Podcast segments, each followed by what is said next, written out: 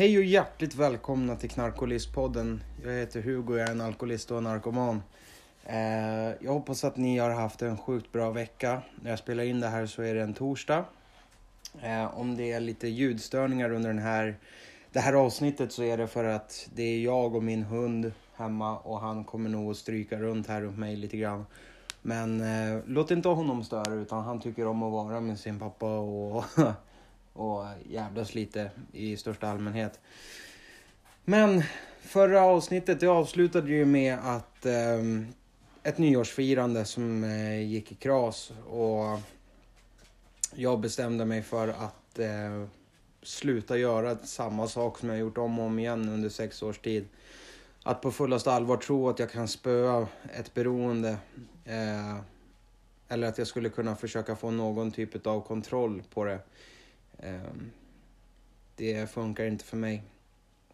Så jag vet inte exakt vart vi stannade förra gången men eh, efter att jag vaknade upp hos min kompis eh, den här morgonen och kände att jag måste göra någonting annorlunda så efter det så gick jag ner till min farmor och farfar och satt mig och pratade med dem. Jag var fortfarande kraftigt alkoholpåverkad.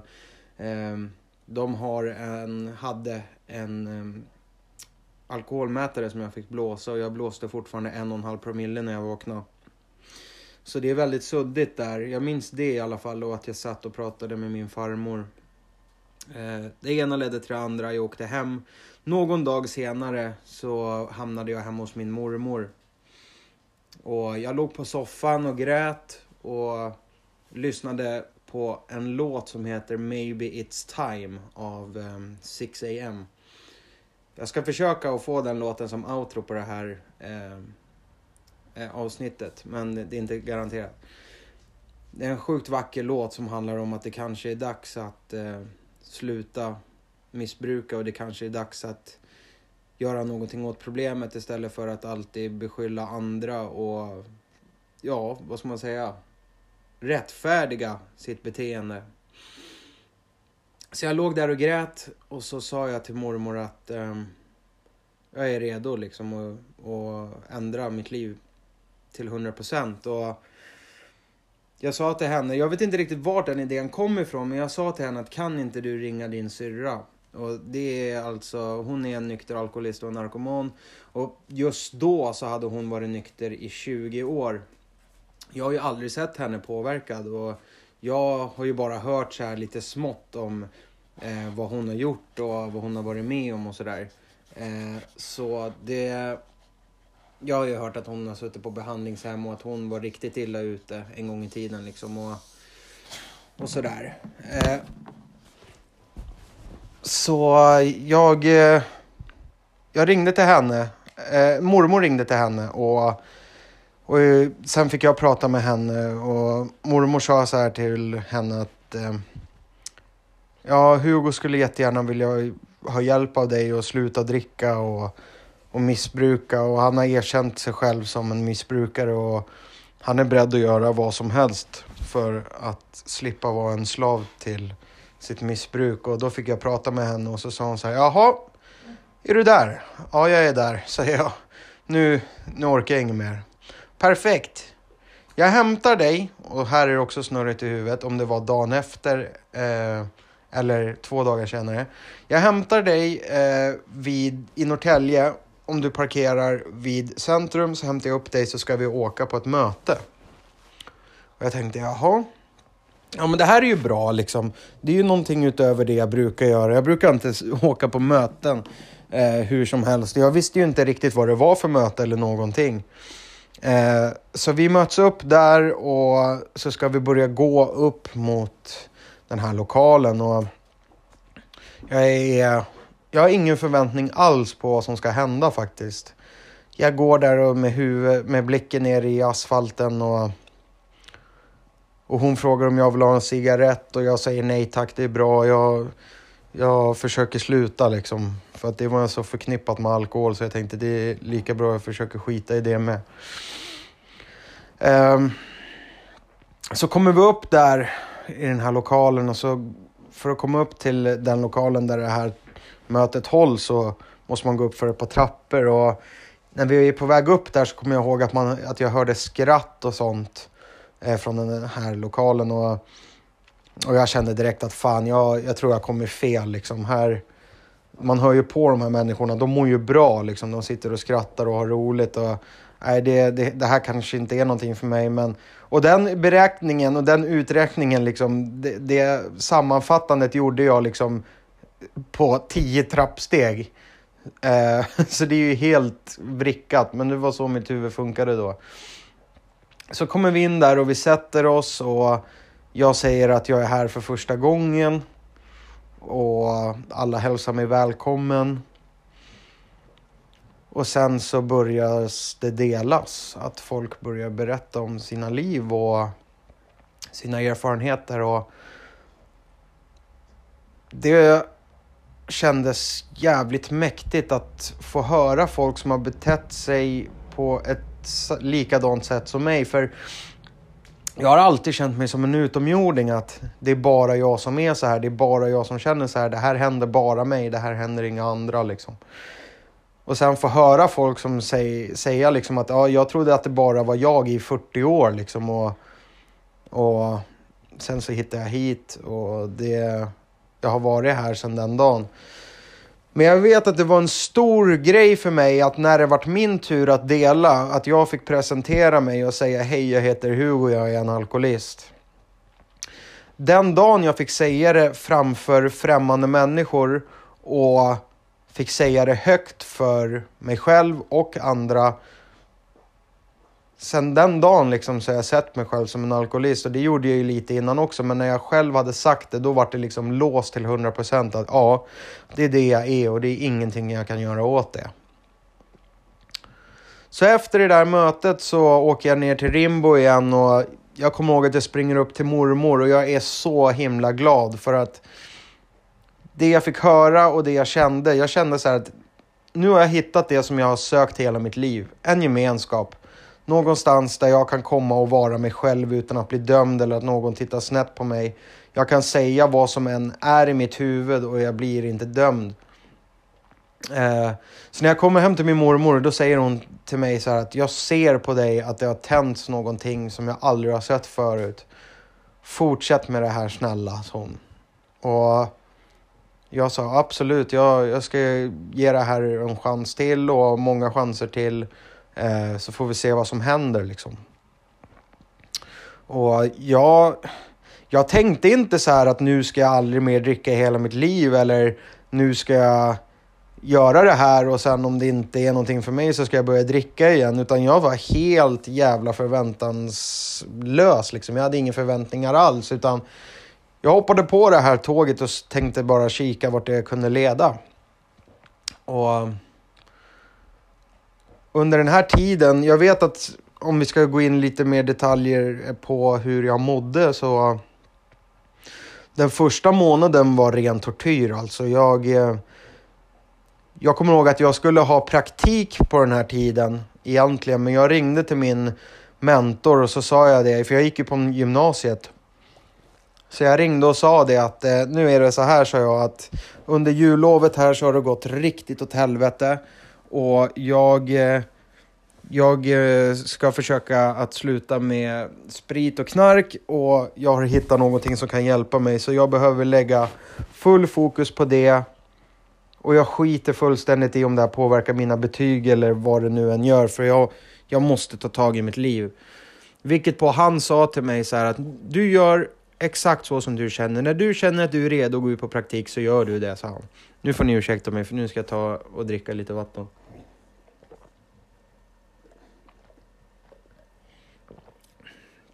Så. Um, och det har jag tackat honom för idag. För att om jag inte hade fått det där lugnet i början och kunnat fokusera på det som var ett måste att fokusera på så vet jag inte om det hade gått så här bra som det har gjort. Ehm, så det jag gjorde egentligen var ju att jag åkte till skolan, satt och läste tolvstegslitteratur. Jag åkte hem, äh, ja just det, så gick jag på lunchmötena som var vissa dagar. Och sen så åkte jag hem och när jag kom hem så låg jag i källaren hemma hos min pappa och rent fysiskt så mådde jag ju riktigt, riktigt dåligt. Alltså jag vaknade på nätterna dyngsur. Jag vaknade av att jag satt upp och liksom, ja vad säger man? Jag höll på att kräkas. Jag vaknade och jag hade kissat på mig. Och idag så har jag fått förklarat för mig att det hade varit jävligt lämpligt för mig att åka in på alkoholavgiftning. Eh, Eftersom att jag hade druckit alkohol i så stora mängder under så stor, så stor tid så är det jätte, jättefarligt att bara sluta sådär utan eh, mediciner eller ja, vård. Men jag gjorde det, lyckades ändå. Så den första månaden var det liksom. Och, och en väldigt stor ångest över vad jag hade gjort. Och en väldigt stor del utav anledningen till att jag fortsatte i början, även fast det varit så jävla motigt ibland, att det gjorde jävligt ont att titta sig själv i spegeln och erkänna sig själv så här att fan, du har skadat så många andra människor på grund av din självis, ditt själviska beteende. Och du har ljugit för folk, du har sårat folk, du har bett folk dra åt helvete, du har hotat folk rent fysiskt också liksom. Och, nej, det var jävligt jobbigt att ta in. Eh, men trots det så fortsatte jag att eh, eh, hålla kvar i mötena och de nya människorna jag hade träffat. Eh, trots ångest och sånt. Den just det, det var det jag tänkte säga. Den största delen var ju att jag ville gottgöra dem jag hade gjort illa. Eh, och det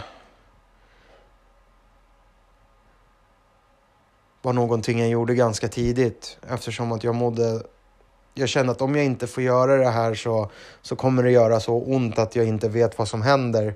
Och jag kommer ihåg första gången jag tog kontakt med de vännerna som jag förlorade efter den här, det här studentfirandet som jag berättade när jag kastade glasflaska efter min kompis. Jag skrev ett sms till dem. Jag, här hade jag typ två månaders eh, nykter och drogfri tid. Så jag hörde av mig till en kompis som, eh, hör, som var med en av mina andra kompisar och de kom hem till mig och jag kommer ihåg att när jag sitter där i, i källaren hos min pappa och, och det börjar klampa i trappen på väg ner. Och, alltså mitt hjärta det började pulsera och så när dörren far upp då ler de mot mig och säger Tjena Hugo, fan vad kul att se dig. Så fick jag en stor kram av båda. Och så satt vi oss ner och så sa jag så här att det här är det jag gör nu. Jag går på möten, jag håller mig nykter, jag menar verkligen allvar den här gången. Jag vet att jag har sagt så förut. Men jag är verkligen beredd att göra allting och det enda jag kan göra för att bevisa och vinna tillbaka eran, eh, ert förtroende är ju att verkligen visa det den här gången. Och, och så berättade jag vad jag hade gjort och så berättade jag vad, vad eh, vad jag mådde dåligt över att jag hade gjort mot dem. Och efter det så fick de sätta sig ner och be, äh, ja, berätta det de hade uppfattade som riktigt smärtsamt som jag hade gjort. Och sen så avslutade liksom själva eh, samtalet med att jag sa att jag vill jättegärna gottgöra er och det de sa att jag skulle göra var att fortsätta vara nykter. För att nu är du den Hugo som vi en gång lärde känna och den Hugo vi älskar. Och fortsätt vara så här så, så gott gör det oss nog liksom. Eh, under den, eh, under ett, den första perioden i, om vi säger den första perioden skulle jag säga det första året. Efter tre månader så träffade jag en tjej som eh, eh jag matchade med på Tinder otroligt nog. Och och jag, det, vi brukar säga så i tolvstegsprogrammet att under första året ska man hålla brallorna på bara för att inte ska eh, för att inte nykterheten ska raseras då på grund av eh, kärleksproblem och sånt där. Men eftersom att min den tjejen var en sån som inte drack och hon var en sån som inte festa och så, så tog jag upp det med min sponsor. Sponsor är alltså som en vad ska man säga, som en kontaktperson fast ännu mer som en kompis som, som går, som har längre tid än dig och som har, som har lite mer erfarenhet skulle man kunna säga. Som man ringer till och pratar med och sådär.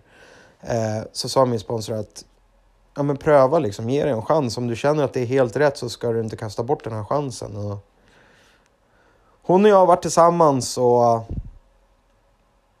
vi har hållit ihop sedan dess. Så, eh, och nu bor vi tillsammans i en lägenhet med två hundar och båda har jobb och vi har det fantastiskt liksom. Vi är förlovade och ja, jag är så jäkla tacksam för att jag fick träffa henne och för att jag, att jag får ha henne i mitt liv. Så därefter någonstans så, började, så böt jag tolvstegsgrupp eftersom att den gruppen jag en gång hade börjat gå på var lite knackig och det var inte så mycket snack om stegarbete och sånt där. Det här är min uppfattning. Eh, så jag eh, gick till en annan tolvstegsgemenskap. Eh, Anledningen till att jag inte får säga namnen på de här tolvstegsgemenskaperna är ju för att allting är anonymt. Eh, så jag böt, kan man säga. Men idag så går jag på båda två. Det, det spelar ingen roll vart jag hamnar så länge det sitter sådana som jag där. Men så jag böt hemmagrupp kan man säga, att det är där jag går regelbundet. Och efter det någonstans där efter sommaren under första året så, så bestämmer sig min sponsor, min första sponsor för att gå ut och ta ett återfall vilket på jag såg honom ytterst få gånger efter den händelsen och jag var tvungen att byta sponsor. Så den dagen min första sponsor ringde till mig påverkad och bad om ursäkt för att han hade använt och så, så skaffade jag en ny. Och han och jag har fort, ja, han är min sponsor än idag. Eh, den killen som jag böt till. Och, det är en eh, fin relation vi har och vi är väldigt lika men så olika. Och eh, Det är underbart faktiskt. Och där började jag med min första sponsor så gjorde jag de tre första stegen. Vi ska gå med, in mer på, på de tolv stegen lite senare. Men Eh, så där var, böt jag sponsor och det har gått jättebra sedan dess. Liksom. Och det är lite svårt att sätta liksom eh, perspektiv på det här eftersom att det känns som när jag tänker tillbaka så är det här jättelänge sedan men jag har ändå liksom inte gjort det här så pass länge. Det är jättekonstigt att beskriva men ni som förstår, förstår liksom. Jag tänkte att vi skulle gå igenom de tolv stegen helt enkelt och vad det innebär att jobba med de tolv stegen. Det är så här att i den eh, tolvstegsgemenskapen jag gjorde stegen så finns det liksom en bok där det finns en massa frågor eh, som är uppdelade i de här stegen och det är olika kategorier och teman på allt möjligt. Men så här lyder alltså de tolv stegen. 1. Vi erkände att vi var maktlösa inför vårt beroende, att våra liv hade blivit ohanterliga. 2. Vi kom till tro på att en kraft starkare än vi själva kunde ge oss vårt förstånd tillbaka. 3. Vi tog ett beslut att lägga vår vilja och våra liv i händerna på en högre makt så som vi uppfattade honom. 4. Vi gjorde en grundlig och orädd moralisk inventering av oss själva. 5. Vi erkände för vår högre makt oss själva och en medmänniska den exakta innebörden av våra fel. 6. Vi var helt och hållet beredda att låta vår högre makt avlägsna alla dessa karaktärsdefekter. 7. Vi bad den att ödmjukt avlägsna våra brister. 8. Vi gjorde en förteckning över alla personer vi hade skadat och blev villiga att gottgöra dem alla. 9. Vi gottgjorde dessa människor direkt varhelst möjligt utom när detta skulle skada dem eller andra. 10. Vi fortsatte vår personliga inventering och erkände genast när vi hade fel. 11. Sökte genom bön och meditation att förbättra vår medvetna kontakt med vår högre makt så som vi uppfattar den, varvid vi endast bad om insikt om dens vilja med oss och styrkan att utföra den. 12. När vi som ett resultat av dessa steg hade haft ett andligt uppvaknande försökte vi föra detta budskap vidare till andra missbrukare och tillämpa dessa principer i alla våra angelägenheter. Så egentligen är det det vi har att jobba med. Liksom. Och steg ett, vi erkänner att vi var maktlösa. Ja, det är ju egentligen att säga att jag är en alkoholist och en narkoman och jag kan inte göra någonting åt det. Steg två. vi kom till tro på att en kraft starkare än vi själva kunde ge oss vårt förstånd tillbaka. Det är alltså ett steg som eh, där det handlar om att du ska förstå att du inte är jordens mittpunkt, att du inte är det största som finns här i världen utan att du, det finns saker som är större än dig och att det finns någonting som kan hjälpa dig att eh, få ditt förstånd tillbaka.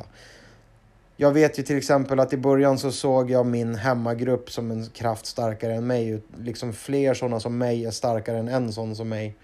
Så det är så det steget fungerar. Tre, vi tog ett beslut att lägga vår vilja och våra liv i händerna på vår högre matt som vi uppfattade den. Och då handlar det ju alltså om eh, att helhjärtat gå in och vilja göra det här och lägga vår, vår vilja och våra liv i händerna på det här som vi tror på.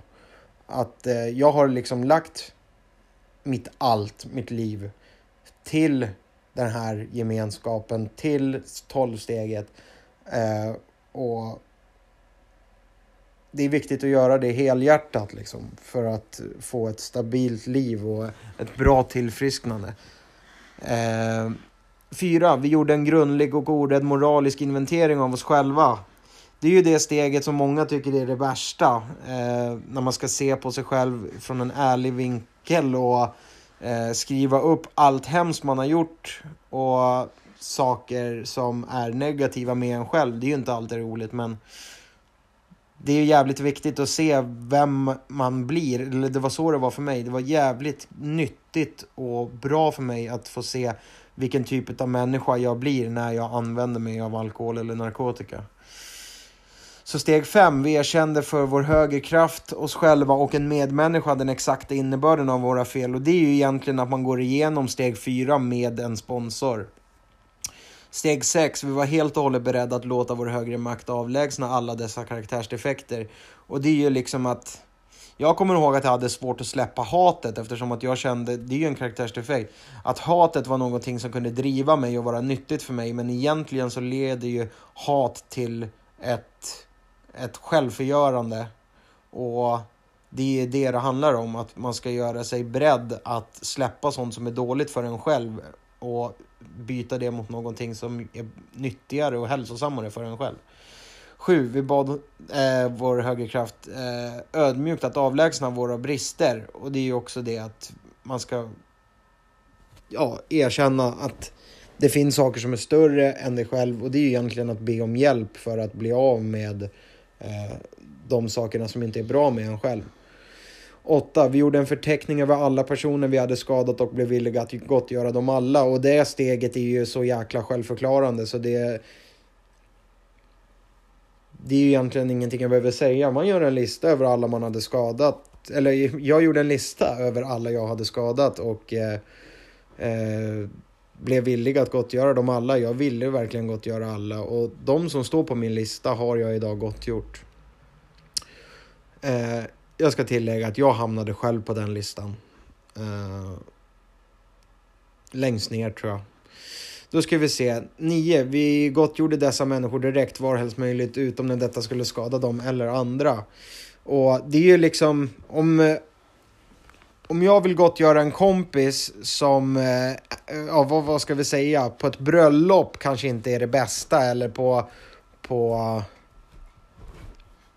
om jag går fram till honom och säger någonting dumt som skulle kunna såra någon som är i närheten eller om jag erkänner någonting som eh, är skadligt liksom då kanske inte det är så smart.